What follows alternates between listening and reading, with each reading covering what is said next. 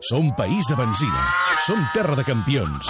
Som Univers MotoGP. Això és l'univers MotoGP. Rebutgeu imitacions. Catalunya Ràdio. Jo vull que guanyi un català. 30 anys seguint el Mundial de Motociclisme. La mare del Tano. Univers MotoGP. Campió del món. Campió del món. El Mundial és nostre. Arrenca MotoGP ara, quan us ho diem nosaltres, els de Catalunya Ràdio. Marque, Marque, Pedrosa, Pedrosa, Maverick, Maverick, Aleix i Pol Espargaró, Espargaró, Rins, Rabat, Rabat. Meravellós, apoteòsic. El Mundial és nostre. Localitzant. Circuit de Le Mans, Gran Premi de França. Cinquena prova de la temporada.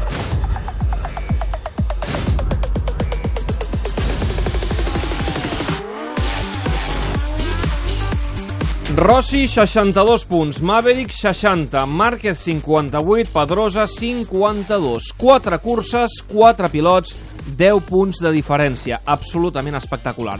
El Mundial de MotoGP ha entrat en una dimensió imprevisible. Les dues Honda contra les dues Yamaha tres catalans i un italià.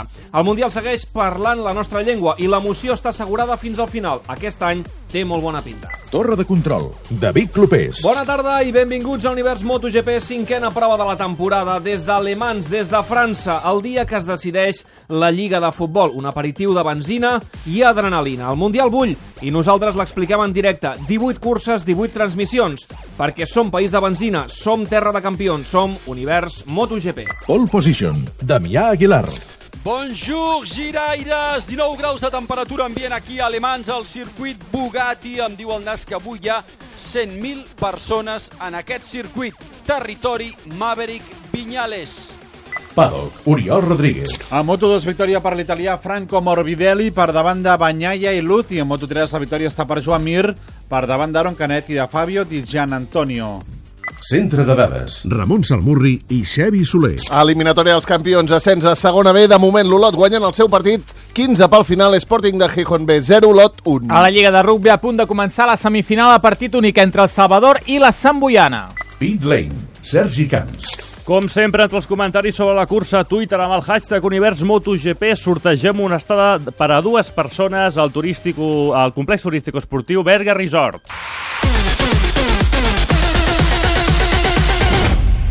Movistar Plus us ofereix aquest espai. Univers MotoGP és una producció del Tot Gira. Les World Champion de Skull Rider ara poden ser teves. Perquè cada segon valgui la pena, de vegades cal lluitar tota una vida. Les World Champions són les ulleres no només dels lluitadors, sinó dels guanyadors. Són un homenatge a Jorge Lorenzo, tres vegades campió del món de MotoGP. Skullridering.com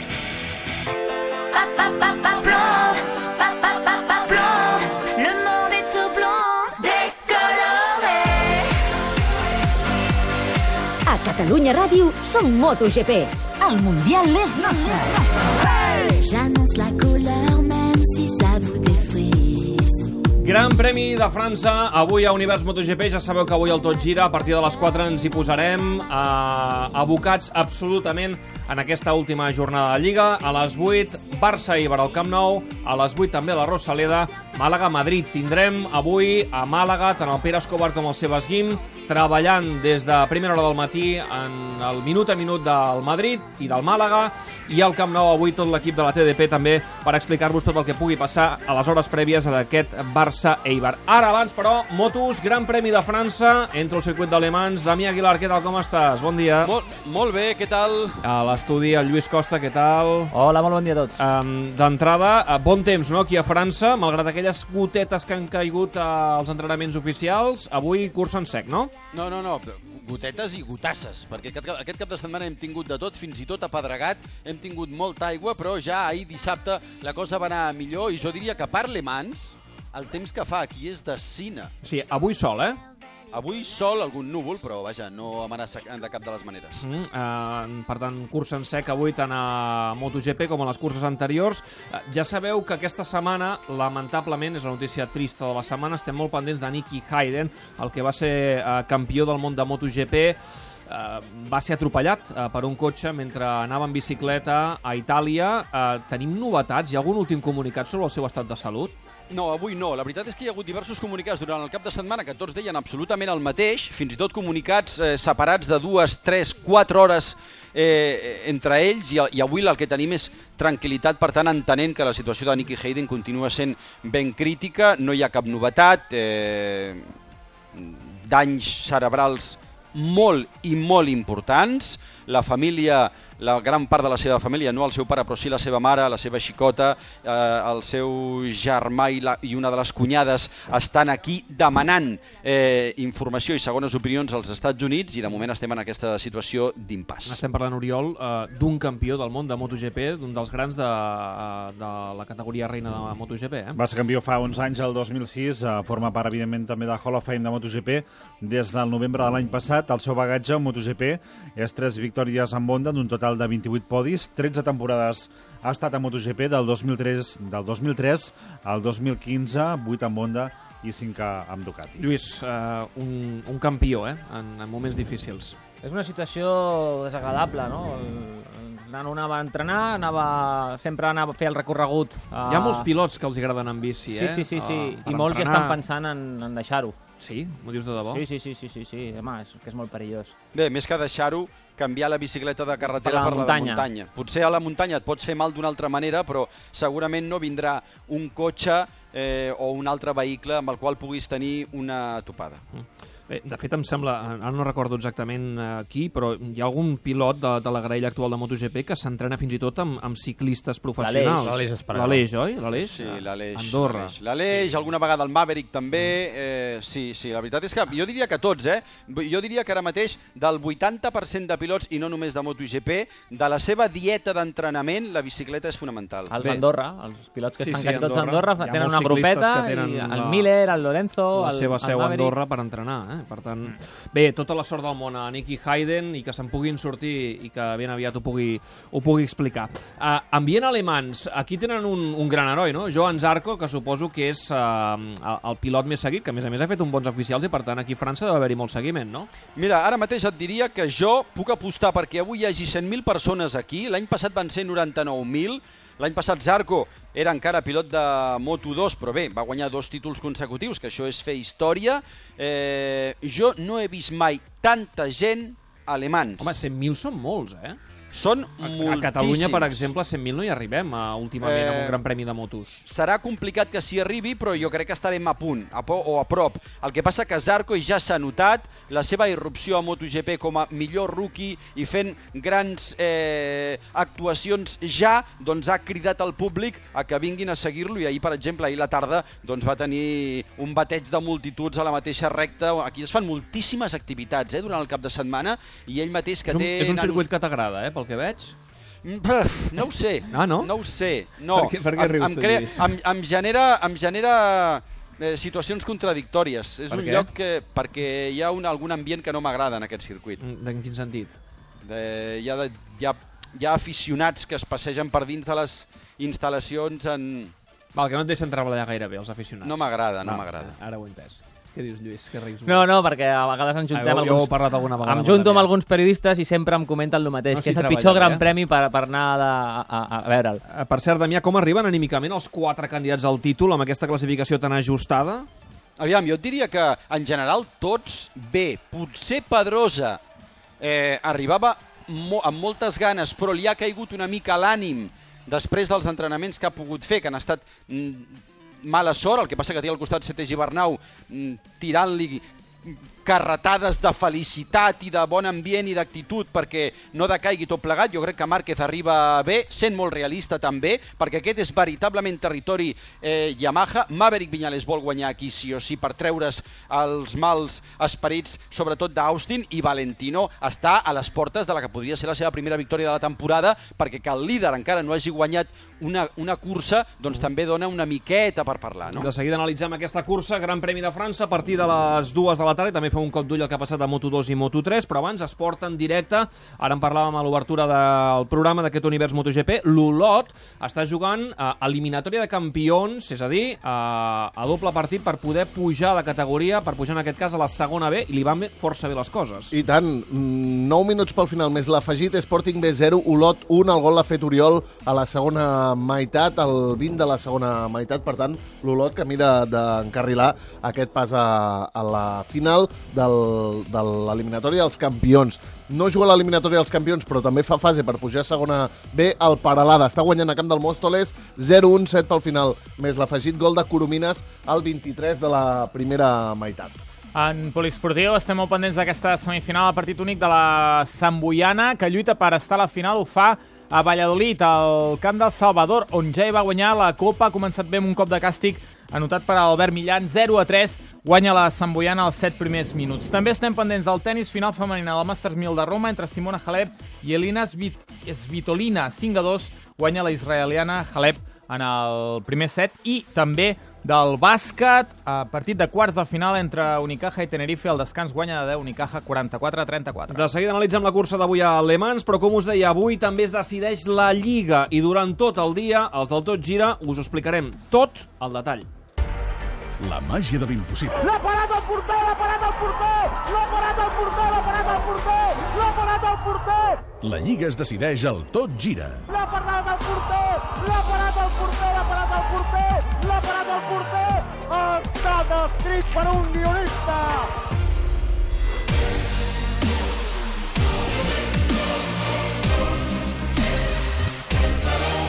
Les 8, Barça, Eibar al Camp Nou i eh, Màlaga, Madrid a la Rosaleda. De fet, el partit de Màlaga és gairebé més important que el del Barça, perquè tot dependrà del que faci el Madrid. Si el Madrid perd el seu partit i el Barça guanya, el Barça serà campió. És l'única opció que té el Barça per poder guanyar el títol de Lliga. A Màlaga hi tenim ja eh, des d'aquest matí, des d'ahir al matí, el Sebas Guim. Sebas, què tal, com estàs? Bona tarda. Hola, bona tarda, David. I el Madrid ja ha arribat, eh, a Màlaga?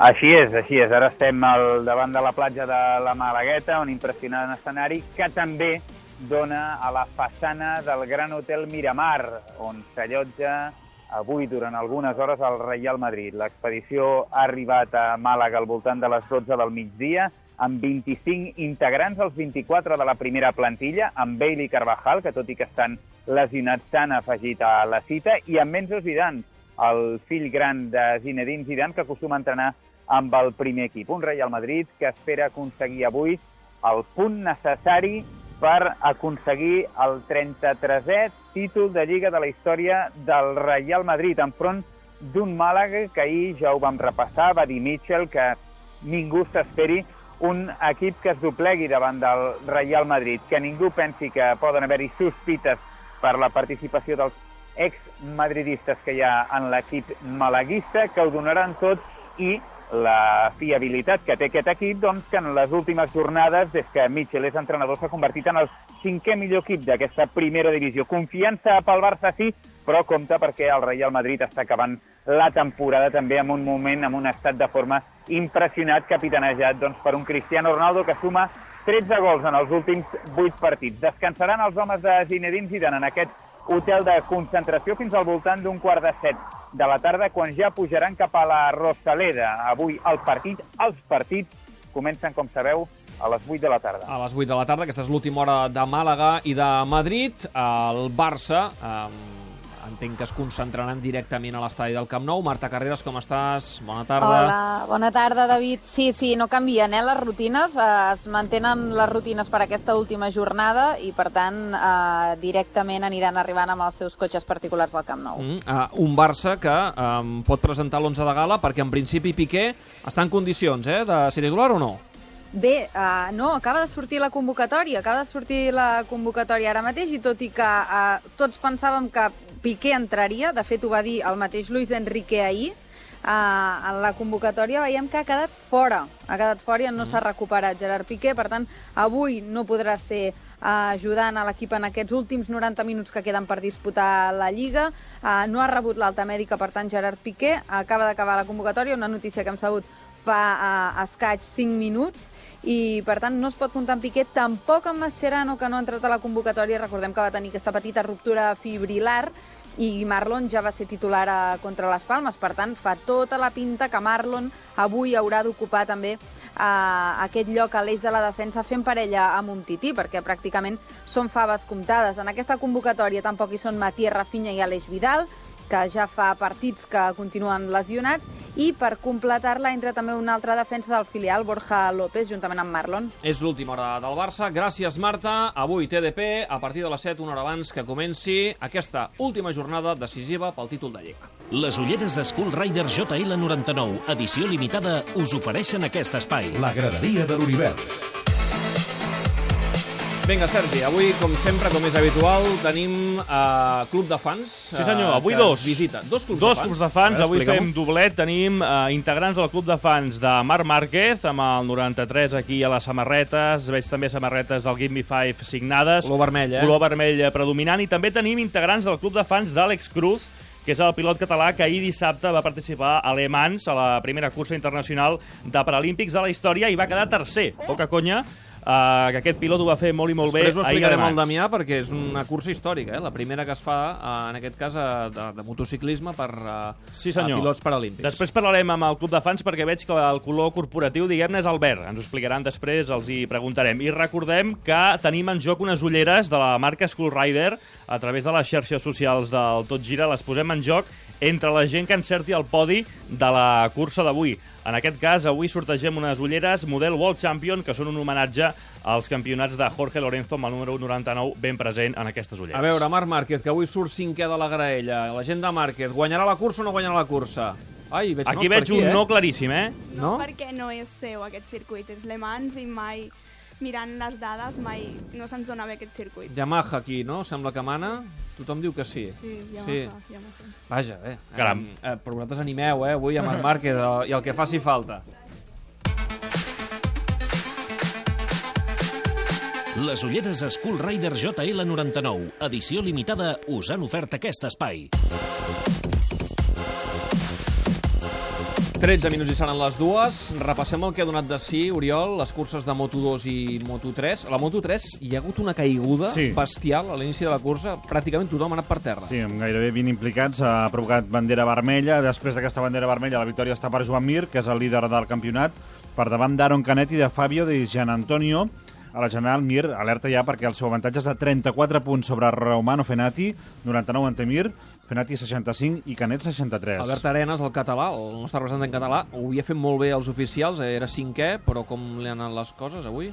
Doncs uh, de seguida et confirmo Ha caigut, com ha caigut. Ha caigut, L'Albert també. ha- Aquesta... Ha caigut l'Albert i, i també ha caigut Fenati quan, de fet, en la represa anava líder, tenia un cert avantatge, poquet sobre Joan Mir, ha caigut i aleshores Mir ja ha tingut pista lliure per guanyar. A Moto2, quarta victòria de Morbidelli, que és líder del campionat, evidentment, per davant de Banyai i Luti. És la quarta victòria, com et dic. Àlex Márquez avui a la quarta posició. Morbidelli, Morbidelli té 100 punts, Luti en té 80 i Àlex Márquez 62, 38 menys que el pilot italià. Queda moltíssim encara mundial per l'Àlex Márquez. Recordeu que Àlex Márquez eh, ha corregut amb, amb, amb una petita fissura al peu esquerre, per tant no ha estat fàcil per ell, i, i la part bona és que ha guanyat una posició a la general i que és tercer. 12 minuts i les dues, repassem la graella de sortida del Gran Premi de França de MotoGP. Tercera fila. Novè, Karel Abram amb Ducati. Vuitè, Pol Espargaró amb KTM. Setè, Scott Redding amb Ducati. El de Granollers va saber aprofitar molt bé l'oportunitat de les condicions de pista, si bé avui, evidentment, la cursa serà tot molt diferent. Segona fila. Sisè, Andrea Dovizioso amb Ducati. Cinquè, Marc Márquez amb Honda. Ca- Quart, Cal Crutchlow amb Honda. Un Crutchlow que ha aprofitat que va fer un test fa poques setmanes alemans. Márquez aspira com a màxim a pujar al podi. Primera fila. Tercer, Joan Zarco amb Yamaha. Segon, Valentino Rossi amb Yamaha. Zarco aspira avui al seu primer podi, la qual cosa seria una fita monumental, ja que és debutant a la categoria. Rossi podria sumar la primera victòria de la temporada. Pole position. Maverick Viñales amb Yamaha. La segona pol de la temporada, l'empordanès aspira a la victòria i a recuperar, per tant, el lideratge de la classe reina. El seient del darrere. A la cinquena fila, Dani Pedrosa, 13è. A la sisena, Jorge Lorenzo, 16è. I Aleix Espargaró, 18è. I a la vuitena, Tito Rabat, 22è. Fa un any a l'univers... Ens posem en mode germans de la pàtria. Som a França, Le Mans, 22 graus de temperatura, 34 a l'ambient, els semàfors a punt i arribaran a Raccordement. És l'últim revolt, és una doble de dretes, és fas sa, sa, sa, i gas, i gas Lorenzo, gas Lorenzo, Lorenzo Dovizioso, Janone Márquez, Pol Espargaró, Gisela Aleix, Sate Valentino, vuitè Smith, novè Maverick, desè Pedrosa, Tito Rabat, dinovè, amb Valentino Rossi, que intenta l'avançament i el passarà, el passarà per dintre, plegant tots dos. Se sent la graderia? Se sent la graderia? No m'ho puc creure, esclar que sí. Tito, Tito, Tito... Doncs que tingui més sort la pròxima. Ha caigut Andrea Dovizioso, ha caigut Marc Márquez. Han caigut els dos, han caigut els dos, no m'ho puc creure. Sembla que hagi caigut Marc Márquez per simpatia. Marc Márquez acaba de ser doblat per Jorge Lorenzo. El Marc ha pujat a la moto. No sé si intentarà seguir cursa i guanya la cursa Lorenzo. Guanya Jorge Lorenzo. Assenyala la graderia Lorenzo. Valentino Rossi que arriba en la segona posició. Aixeca una miqueta la moto. Molt poquet, eh? Segona posició per Valentino, que avui ha tret petroli. I tercera posició! Saludo al pistoler. Tercer Maverick Viñales, quart Pedrosa. Trending GP. Com a cada cursa d'Univers MotoGP, sortegem una estada al complex turístic esportiu Berga Resort. Ja ho sabeu, una estada de 3 dies i dues nits per a dues persones, amb accés al gimnàs, a les pistes poliesportives, també a l'espa, tot plegat en una estada que fareu en un bungalow. Per aspirar a guanyar aquest premi, comentari sobre la cursa a través de Twitter amb el hashtag Univers MotoGP, com ja ha fet la Cristina, que diu els Gran Premi que han guanyat Mir i Morbidelli, a MotoGP ha guanyat Viñales. Esperem que avui, Marc, trenqui aquesta coincidència. El Jordi diu, avui ha de guanyar Márquez tant sí com no. O el Javi, que diu carrera eh, difícil para Márquez con las Yamaha muy fuertes. També la gent del motor que ha fet tuits aquest cap de setmana. Destaco eh, la publicació de Maverick Viñales celebrant ahir aquesta pole position amb una foto amb el número 1 que indica que sortirà des de la primera posició de la graella i també durant aquesta setmana tots els pilots de la graella han fet tuits d'homenatge i lamentant la situació de Nicky Hayden. Has estat mai en un resort? Bé, al Berga Resort. Eh? On què? Si has estat mai al Berga Resort, on pots viure en un bungalow, entrar i sortir del Wellness Center, banyar-te i nedar en piscines per tots els gustos, disposar d'un servei fantàstic... Jo no, i tu? Sí, però junt serà diferent. Ah, i on és? A Berga, i anirem per la C16 i el quilòmetre 96 agafarem la sortida 95 Berga Sud i ja hi serem. Molt bé, i anirem tota la família. Xarxa de concessionaris Hyundai de Catalunya patrocina aquest espai. Moments universals.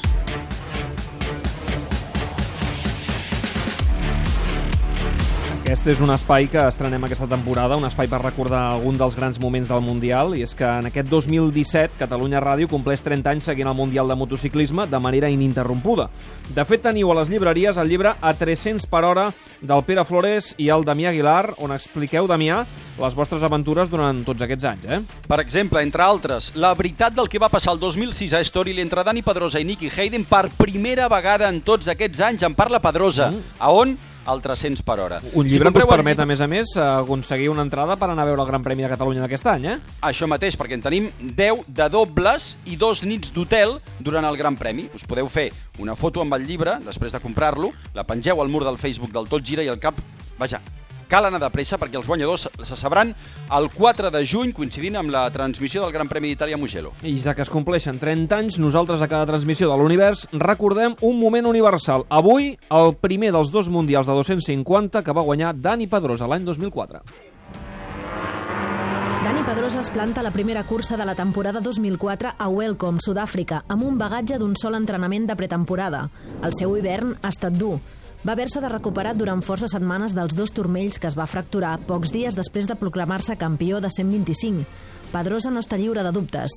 Puja de categoria amb el mateix equip, però canvia a una moto més gran i potent i comença a tenir problemes als braços. Però el 18 d'abril del 2004 sorprèn tothom, com recordem amb la transmissió de televisió espanyola, amb paraules del seu antic mentor Alberto Puig. ¡Vamos! Ahí Dani dentro. Muy bien, ahí Dani. ¡Toma ya! El- eh, ahí está la meta, ahí está la meta y la Sí, victoria. señor, sí, señor. victoria del Muy piloto bien. español en su primera participación en 250. Qué última vuelta, qué última vuelta, señoras y señores. Es lo mejor que hemos visto en el motociclismo en los últimos tiempos. Sí, la verdad es que es bestial este chico. Es, sinceramente, sabíamos que lo podía hacer bien, pero, pero no he podido entrenar mucho este invierno, Dani. Al Mundial de dos i mig del 2004 hi ha noms com De Puniet, Elias, De Angelis o Aoyama, però el veritable rival del català i subcampió final va ser l'argentí Sebas Porto. Pedrosa completaria aquella temporada 7 victòries d'un total de 13 podis en 16 curses. Poc abans de mitja temporada es posa líder i ho remata a una cursa per l'acabament de la temporada, a Phillip Island, el mateix escenari on s'havia lesionat un any enrere.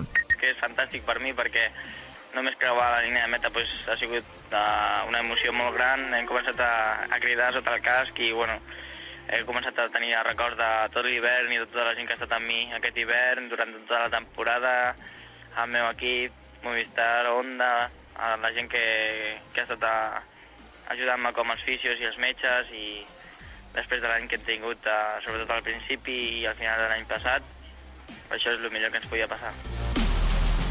Amb aquell títol de 250, en aquell moment Dani Pedrosa es converteix en el bicampió de motociclisme més jove de la història, amb poc més de 19 anys.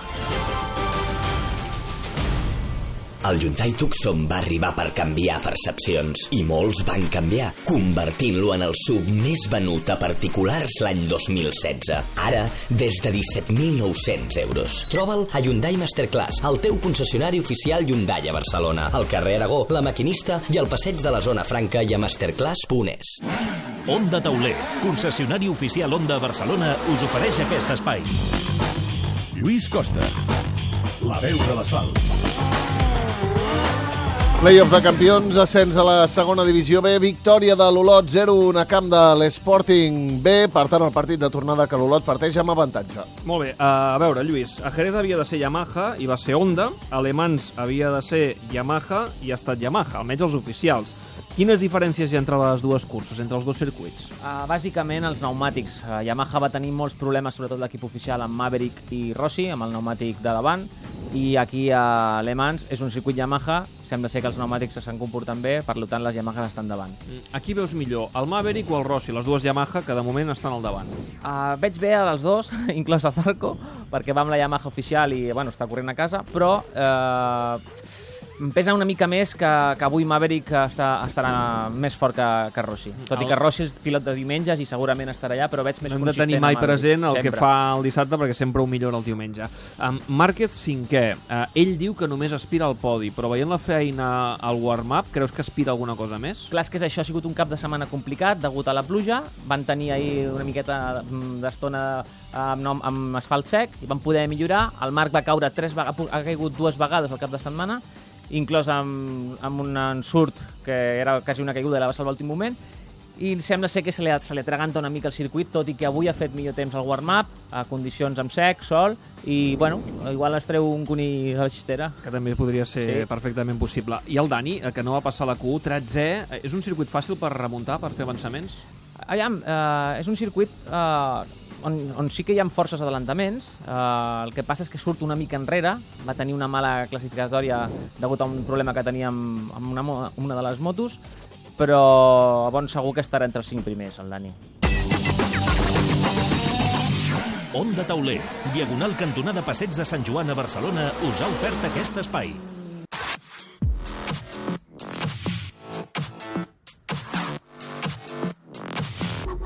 Damià Wall. A punt per començar el warm-up, la volta d'escalfament. Avui al Damià Wall entrevistem l'Àlex Cruz, un pilot paralímpic català. Damià. L'Àlex té 39 anys, de Sabadell i fa 17 que va tenir un accident de moto i va perdre els peus, però la moto és la seva passió, tant que en l'època preaccident feia de repartidor de pizzas només pel plaer de conduir moto. Cuando acababa la oficina, yo me iba a, una, a trabajar en las pizzerías. He trabajado en diferentes pizzerías a repartir pizzas con la moto, ¿vale? A mis amigos y a todo mi entorno a veces les chocaba porque me decían que yo no tenía la necesidad. No, si yo esto lo hago porque a mí me gusta conducir moto, L'Àlex s'ha proposat com a repte personal que aquesta cursa es faci l'any que ve al circuit de Barcelona-Catalunya. Avui, de fet, tenim a l'estudi quatre membres, eh, Sergi, del club de fans de l'Àlex Cruz, que ahir va ser tercer a la categoria de 600 centímetres cúbics a aquesta primera cursa internacional de Paralímpics de la història que s'ha fet a Alemans, eh? Espera, espera, que no et sentim el... ara, ara sí. Ara em sentiu? Perfecte. Tenim aquí a quatre integrants, com deia. Com et dius? Estefania. Contenta d'ahir, aquest moment històric, tercer l'Àlex. Sí, molt orgullosa d'ell. Interpreto que no veu ser ahir alemans, Uh, com deia el Damià, l'Àlex té la intenció de portar aquesta disciplina al circuit de Barcelona a Catalunya. Us faria il·lusió poder anar a veure aquesta cursa? Sí. Molt bé, doncs molt contents de poder anar si finalment això es pot traslladar a Barcelona, a Si voleu sentir l'entrevista que li ha fet sencera al Damià a l'Àlex, entreu a catradio.cat barra MotoGP a la web de l'Univers i podreu sentir com, uh, com s'explica l'Àlex, uh, aquest uh, pilot paralímpic que, doncs bé, està fent història en aquestes primeres curses, ahir tot just la primera que es fa a la història del, del motociclisme. Ha començat ja aquesta volta d'escalfament. Recordem, Oriol, com tenim aquesta graella de sortida. En Vinyales des de la Pol, per davant de Rossi Arcos, la primera fila, la segona Crutchlow, Márquez i Dovizioso, la